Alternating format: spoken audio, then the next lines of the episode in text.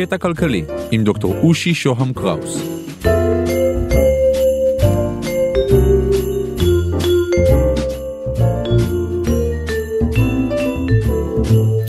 קטע כלכלי, פרק 41, היהודים והתיאוריה הכלכלית הנאצית.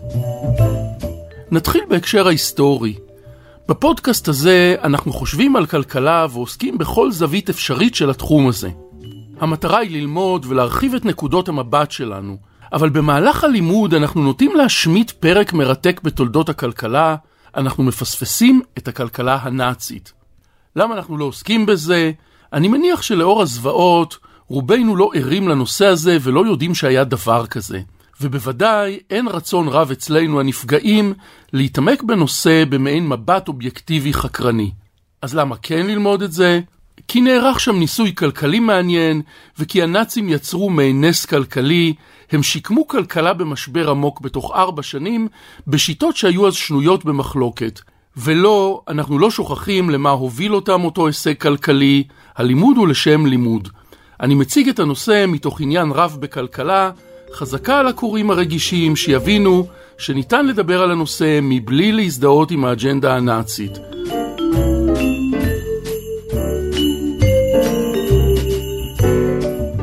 שלום, כאן דוקטור אושי שוהם קראוס, ואנחנו חוזרים עשרות שנים לאחור. מבחינת מצביעי הרייך השלישי, בשנים הראשונות היו הנאצים סיפור הצלחה, לפחות במובן הכלכלי.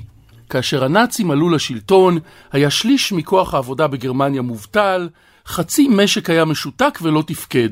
מה היו הגורמים? כרגיל בכלכלה, הדעות חלוקות. אבל העובדה היא שלאחר שלוש-ארבע שנים בשלטון, המשבר הזה כמעט נפתר. איך הם עשו את זה? מה הם עשו שם? גם על כך חלוקות הדעות. יש חוקרים שטוענים שהיה שם אלתור מוצלח. יש שמדברים על העתקות ממקורות שונים. אני בוחר להציג כאן את טיעוניו של החוקר הישראלי אברהם ברקאי, שמראה בספר מרתק, שלצערי אזל, הכלכלה הנאצית שמו, ספריית פועלים 1986, שהנאצים ידעו בדיוק מה שהם עושים. כלכלה לא עניינה את היטלר כשלעצמה. בספר שלו, מיינקאמפף, המאבק שלי, הוא לא עוסק בה כמעט.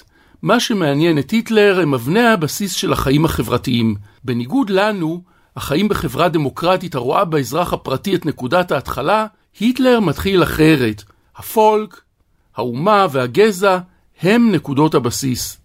האומה הגרמנית, שמוצאה ארי, היא העיקר והיא התכלית, ותפקידה של הכלכלה לשרת את האינטרסים של האומה והגזע. ואיך צריך להתנהג גזע חזק וראוי כמו הגזע הארי הגרמני? ובכן, לאור חוקי הדרוויניזם החברתי שאותם היטלר מקבל, הוא צריך להיות חזק ומחושל, חזק ותוקפני, שהרי גזע מתאים ביותר הוא שישרוד בסוף ויזכה בכל הקופה. האם היטלר חובב גזעים אחרים ואומות אחרות? בוודאי שלא. ולכן הוא לא מחבב בלשון המעטה את הכיוונים הגלובליים של הכלכלה. כלכלה גזעית, הוא טוען, צריכה להיות אוטרקית, כלומר היא צריכה לייצר את כל מה שהיא צריכה מתוך המשאבים שלה עצמה. ולכן הכלכלה צריכה להיות חקלאית. אנחנו הרי לא רוצים, יגיד היטלר, להיות תלויים בטוב ליבם ובאינטרסים של עמים אחרים שיאפשרו לנו לקנות מהם חיטה למשל. ואם אנחנו אומה חקלאית, אנחנו צריכים שטחים. כלומר, מרחבים לגידול וליישוב גרמנים בריאים, טהורים וחזקים. ולכן מגיע לנו מה שנקרא מרחב מחיה טבעי. אנחנו חזקים, ולכן זכותנו לכבוש שטחים של עמים אחרים, לשעבד אותם ולהעביר אליהם אנשים שלנו כדי לייצר יותר ולחיות נכון.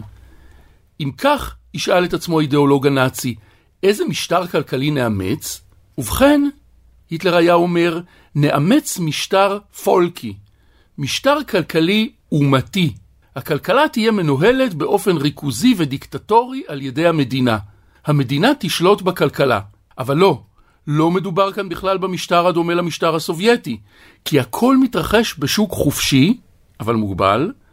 אנשים פרטיים ובעלי עסקים ממשיכים לשמור על הרכוש שלהם.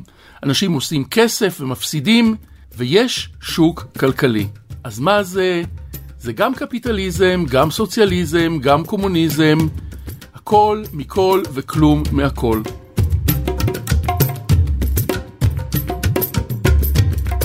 בשנת 1931 מקימים הנאצים את המחלקה המיוחדת לכלכלה. חשוב לזכור, הם עוד לא בשלטון, אבל כבר בונים תוכנית. בראש המחלקה עומד אוטו וגנר, והוא מייצר מסמך כוונות מעניין. קפיטליזם כן, רכוש פרטי כן, אבל בהגבלות שתקבע המדינה. שהרי האומה, הפולק, היא הבעלים האמיתי של הכל. ואילו אתה הבעלים, בסך הכל בעלים זמני, או על סוג של תנאי. ומה קורה, ישאל את עצמו איש כמו וגנר, כששליש מהאומה מובטל ממלאכה? כשאנשים מתפרנסים בקושי או לא מתפרנסים, זו כמובן אחריות האומה להתערב ולפתור את הבעיה. אין מקום לחכות לקסמים של שוק חופשי שיתקן את המצב. הכלכלה היא כלי כדי לייצר אומה חזקה, בריאה ותוקפנית. זוכרים? אבל מדוע שואלים כל המומחים הכלכלה תקועה? גם על כך ניתנות תשובות שונות. אותנו תעניינה כאן שתי תשובות. האחת המקובלת יותר תטען שאין מספיק הון בתוך גרמניה. צריך להביא כסף אמיתי מחוץ לארץ, יגידו בעלי הגישה, או אולי ללוות מהציבור הפרטי. את הכסף הזה צריך להשקיע ולהזיז את הכלכלה.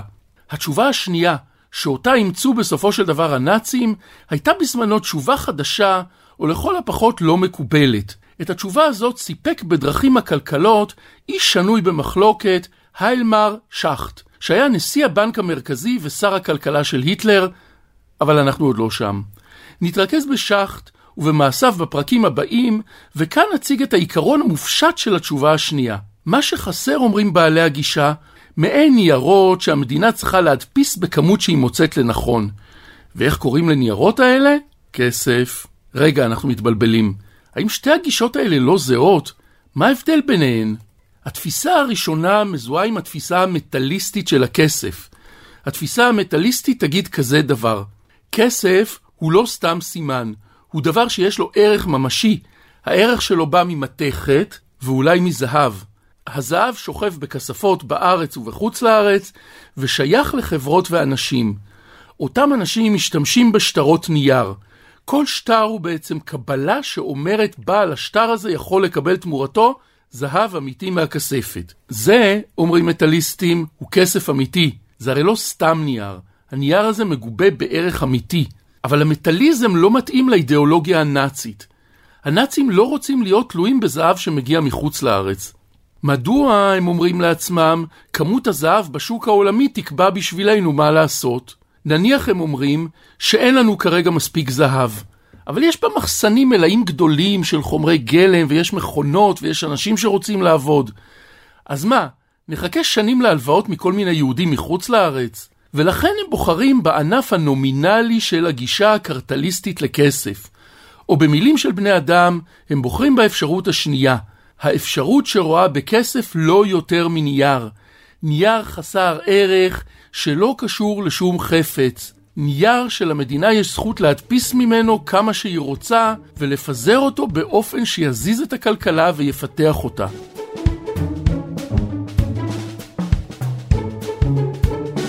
מוכר? זה בדיוק מה שעושים בעולם כדי לצאת ממיתונים וממשברים כלכליים. הבנקים המרכזיים מייצרים כסף ומפיצים אותו כדי למנוע מיתון.